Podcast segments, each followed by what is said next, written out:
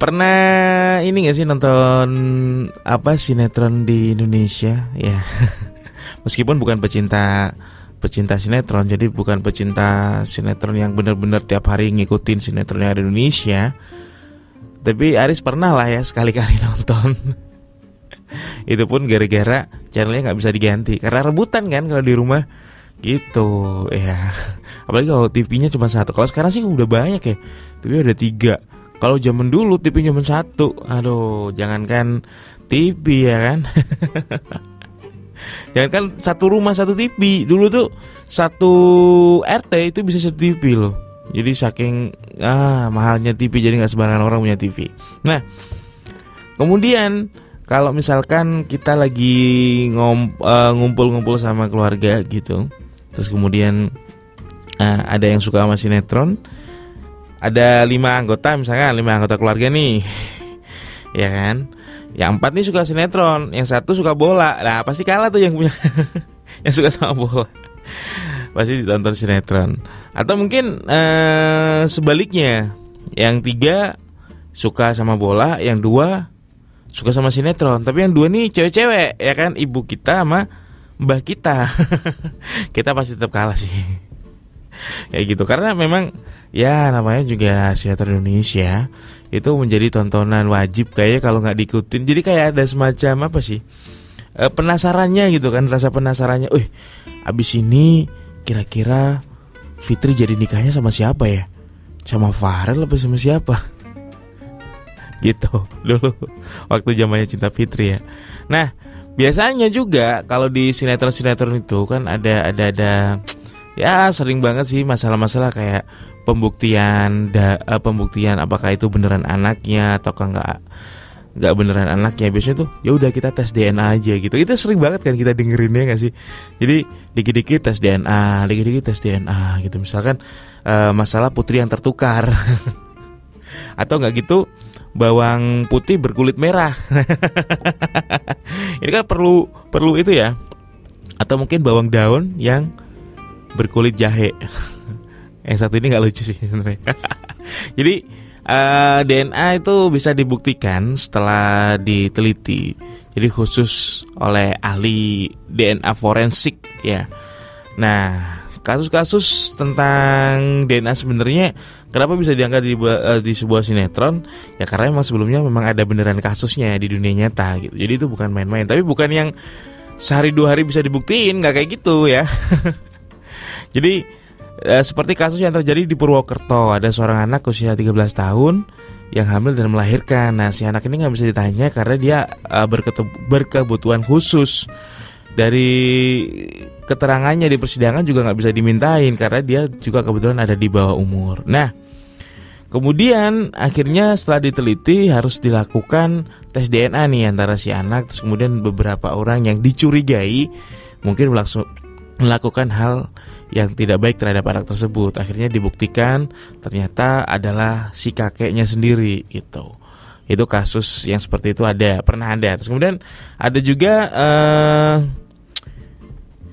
uh, kasus ketika seorang anggota dewan di Medan Sumatera Utara seorang anggota ini mencurigai istrinya selingkuh karena wajah anaknya mirip dengan wajah teman baiknya. Konyol sih ya sebenarnya nah ini anak saya.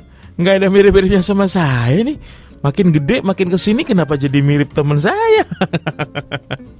Nah akhirnya si anggota ini minta buat tes DNA gitu sama istrinya. Terus akhirnya ya udah. Kalau gitu kita tes, DNA akhirnya hakim memerintahkan dilakukan pengetesan DNA hasilnya si anak memang bukan anak anggota tersebut tapi anak temannya. Terus temannya datang minta maaf sorry pak enggak enggak Nah, kasus yang menarik juga kalau ini kejadian di luar negeri ya. Di tahun 2008, uh, polisi Finlandia menemukan seekor nyamuk mati di dalam sebuah mobil curian yang sedang digeledah polisi. Kemudian mengambil darah dari nyamuk itu dan berhasil menggunakannya untuk mengidentifikasi pencuri mobil tersebut. Jadi nggak sengaja aja gitu ada polisi Finlandia uh, lagi uh, menggeledah barang bu, barang buktinya itu ada ada sebuah mobil mobilnya itu mobil curian dilaporkan bahwasanya ini dicuri tapi nggak tahu dicurinya sama siapa. Akhirnya mobil tersebut digeledah sama polisi ditemukan ada nyamuk mati. Nah, di nyamuk mati itu ada darah dikit nih. Kemudian dites deh di situ. Kemudian mengekstrak DNA dari darah yang disedot oleh nyamuk tersebut dan tindakan tersebut dilakukan spontan tanpa direncanakan sebelumnya. Jadi polisi juga ngerasanya ya siapa tahu penemuan. Jadi seorang petugas patroli polisi yang memeriksa mobil tersebut menyadari ada seekor nyamuk yang baru menyedot darah. Kemudian nyamuk tersebut lalu dibawa ke laboratorium. Nah, Uh, Inspektur Polisi Sakari Palomaiki mengatakan baru kali ini polisi Finland mengungkap kasus kejahatan dengan cara yang unik dari darah nyamuk.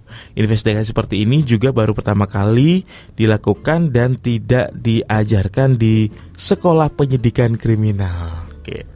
Jadi luar biasa sekali. Ini sebuah penemuan yang luar biasa.